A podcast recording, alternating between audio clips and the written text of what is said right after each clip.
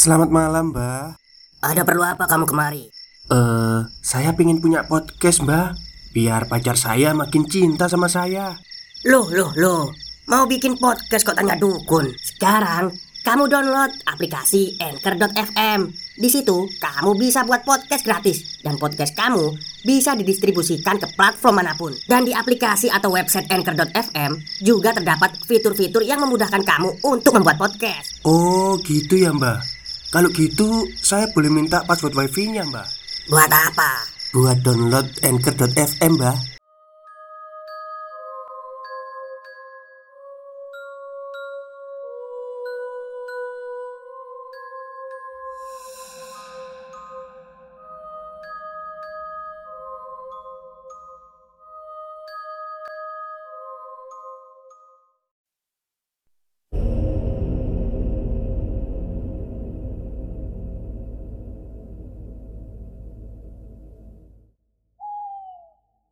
Assalamualaikum warahmatullahi wabarakatuh. Halo semuanya, jumpa lagi dengan saya Chow Sing Sing, kurator dari Podcast Horror Night Story.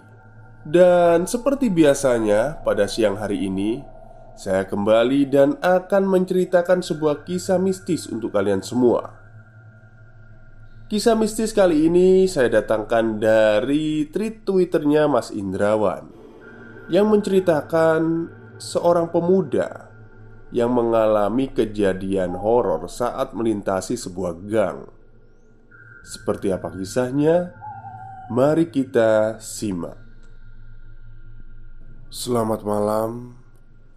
Kisah yang aku tulis di bawah ini merupakan sebuah kisah dari seorang kenalan aku yang terjadi di sekitar tahun 2018 yang lalu.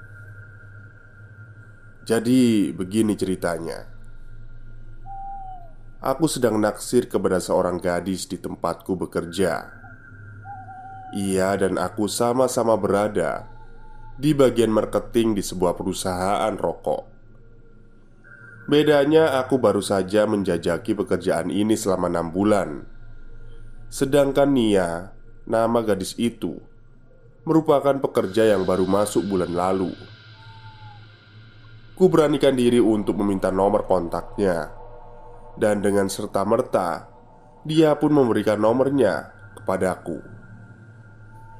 Malamnya ku hubungi dia lewat pesan WA Ku katakan kalau aku mau mengajaknya jalan di hari Sabtu nanti. Kebetulan di hari itu aku mendapatkan undangan Dari teman yang menikah pada sore harinya. Dan niatnya Sekalian untuk meminta Nia agar menemaniku pergi ke sana. Ternyata dia mau ikut bersamaku nanti. Wah, senang sekali rasanya. Bisa membawa seorang gadis yang cantik dan cakep seperti Nia ke undangan Akhirnya dia pun memberikan alamat rumahnya. Dan kupastikan aku akan datang menjemputnya Di waktu yang sudah ditetapkan Sabtu itu hujan turun dengan sangat derasnya dari siang. Aku melongo melihat situasi. Bisa-bisa aku batal pergi ke undangan teman, dan bisa-bisa aku juga batal mengajak Nia jalan-jalan.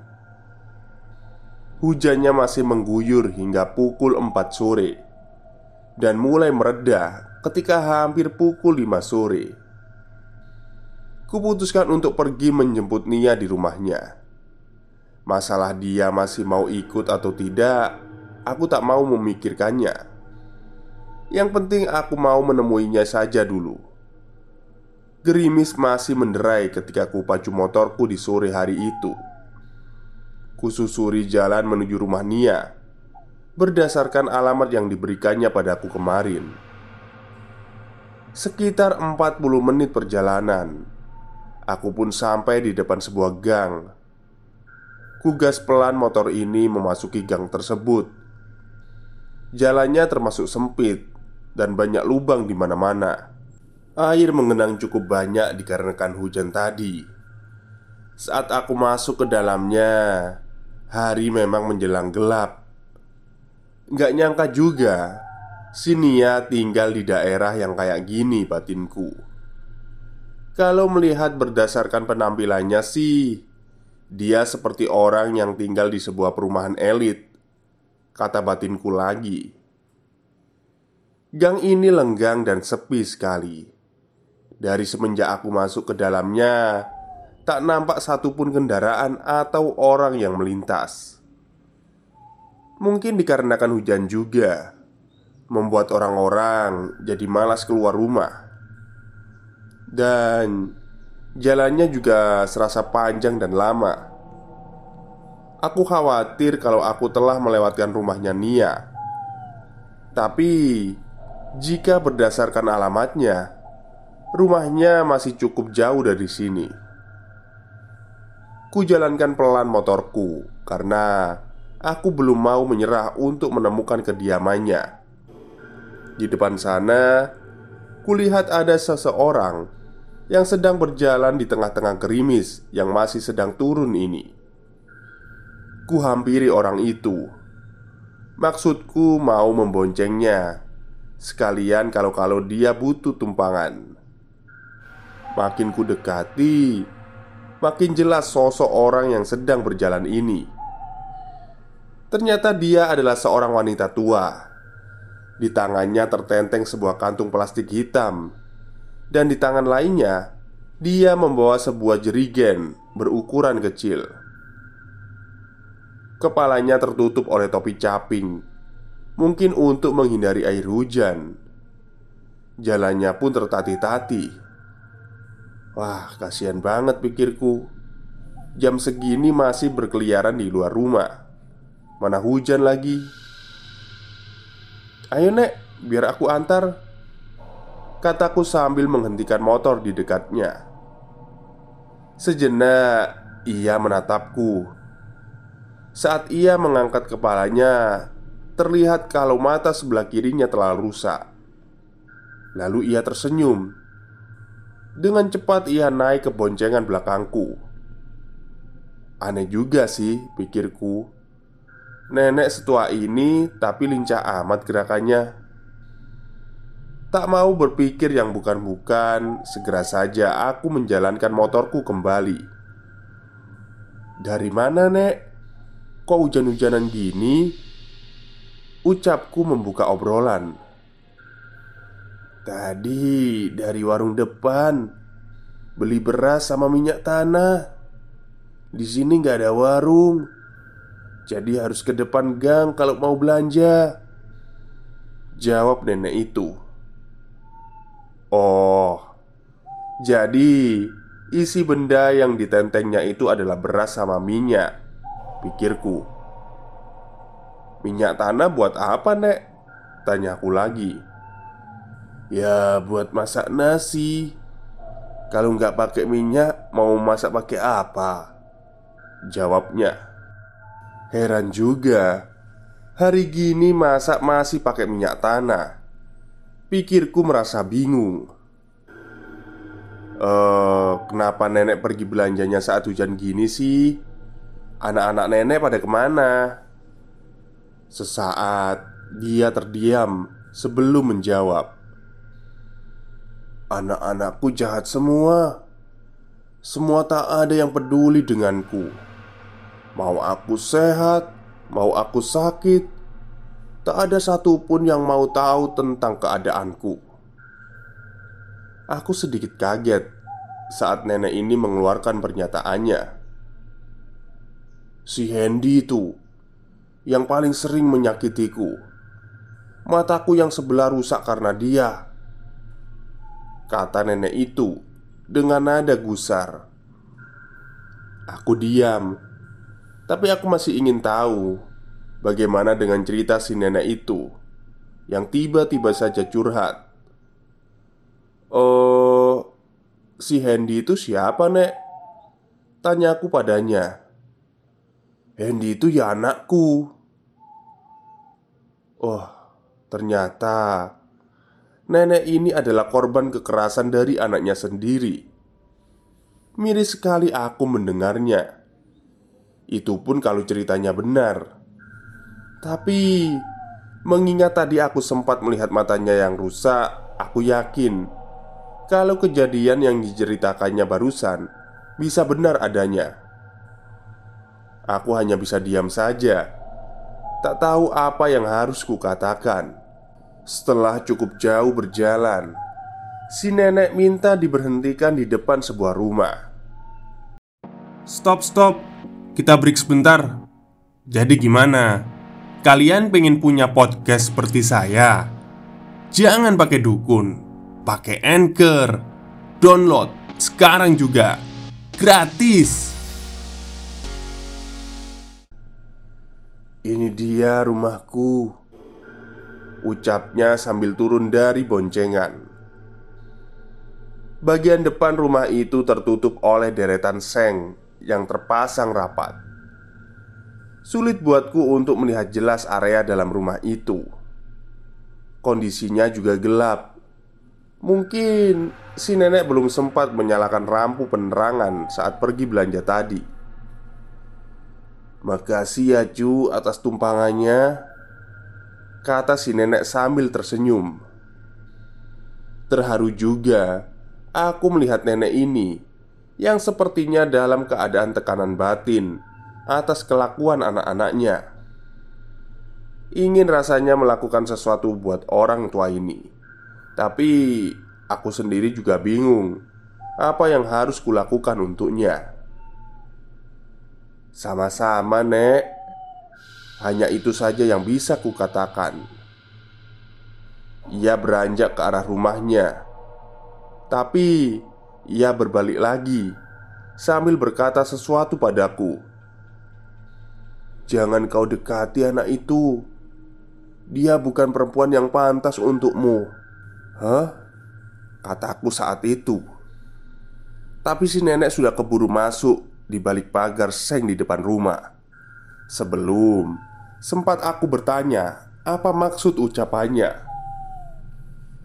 Beberapa menit kemudian tibalah aku di tempat tujuan, rumahnya Nia. Hampir saja aku melupakan rencana untuk membawanya ke undangan. Aku melihat Nia sudah berdandan siap untuk pergi, tapi mukanya sudah ditekuk Mungkin marah karena aku lambat datangnya. Aku pun menjelaskan tentang hujan sepanjang siang tadi dan juga pertemuanku dengan seorang nenek barusan. Nia terlihat heran.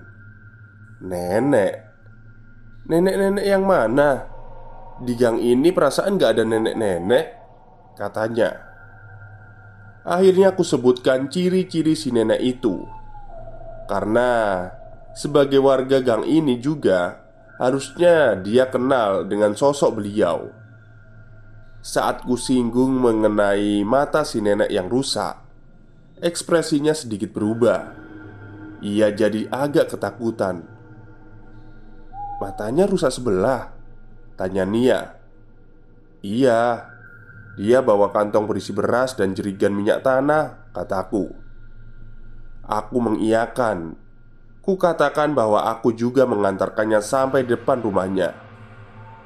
Astaga. Pekik Nia pelan. Sam uh, Sebenarnya yang kau temui itu adalah nenekku Ucapnya Aku masih mau bertanya. Tapi ucapan Nia yang berikutnya benar-benar membuatku merinding. Nenek sudah lama meninggal Sam. Semenjak aku masih sekolah dasar Beliau meninggal karena tertabrak sebuah truk ketika menyeberang jalan. Dan saat itu nenek memang mau membeli beras dan minyak tanah Di warung depan gang Cerita Nia. Rumah tempat kau turunkan dia Dulu kami memang tinggal di situ Tapi sekarang rumah itu kosong. Biar tak ada yang masuk Bapakku memagarinya dengan seng supaya aman. Aku pun terpana Tak yakin dengan apa yang ku dengar Tapi nyatanya itu benar-benar terjadi. Nenek yang kujumpai tadi rupanya neneknya Nia Gadis yang kusuka. Tapi Neneknya yang kujumpai tadi juga rupanya bukan manusia. Eh, tadi nenek sempat menyebutkan nama seseorang Kataku Siapa? Tanya Nia. Eh, seseorang yang suka menyakitinya Kataku lagi. Bola mata Nian tampak membesar. Siapa? Namanya Hendy Nia membelalak. Wajahnya pucat. Siapa sih Hendy? Tanyaku padanya. Kemudian Dia melihatku dan mulai marah. Hendy itu bapakku. Lagi-lagi aku melongo dengan apa yang ku dengar Nia makin menunjukkan amarahnya. Padahal aku sendiri sedang bingung kenapa dia harus marah itu. Dasar nenek sialan Udah mampus juga Kenapa harus kau umbar aib keluarga sendiri? Jeritnya tiba-tiba. Pergi kau Sam. Jangan lagi pernah ke rumah ini. Jangan lagi kau mendekatiku. Aku gak sudi ya. Ada yang tahu rahasia keluarga ini? Pekiknya. Sambil mendorongku keluar dari rumahnya. Sumpah Aku gak ngerti apa yang sebenarnya terjadi Diusir begitu saja seenaknya Tanpa tahu Alasan yang jelas Apalagi Dengan sekonyong-konyong Nia membanting pintu rumahnya tepat di depan mukaku. Ah, ya sudahlah. Aku menghidupkan mesin motor untuk segera pulang. Aneh sekali rasanya atas semua peristiwa yang terjadi barusan. Dengan perlahan, ku jalankan motorku menuju arah luar gang ini. Hari semakin gelap, dan hari semakin terasa sangat gelap ketika aku melintasi rumah kosong tempat aku menurunkan si nenek sebelumnya. Sialnya, si nenek ada di sana, berdiri persis di depan bagian depan rumah. Kedua tangannya masih menenteng benda yang sama seperti yang kulihat saat aku memboncengnya. Ia tertawa terkekeh sambil pandangannya tertuju ke arahku. Duh Tuhan, Buruk sekali nasibku hari ini. Dengan cepat buru-buru aku memacu motor agar bisa segera keluar dari gang itu dan berjanji dalam hati untuk takkan pernah memasukinya lagi. Selesai. Sekian cerita untuk malam ini. Terima kasih banyak atas atensinya. Oke, itulah akhir cerita dari tweet Twitternya Mas Indrawan ya tentang pengalaman temannya saat melintasi sebuah gang yang ternyata di gang itu menyimpan sesuatu misteri. Baik, mungkin itu saja cerita pada siang hari ini. Semoga kalian semua terhibur. Selamat siang dan selamat bekerja.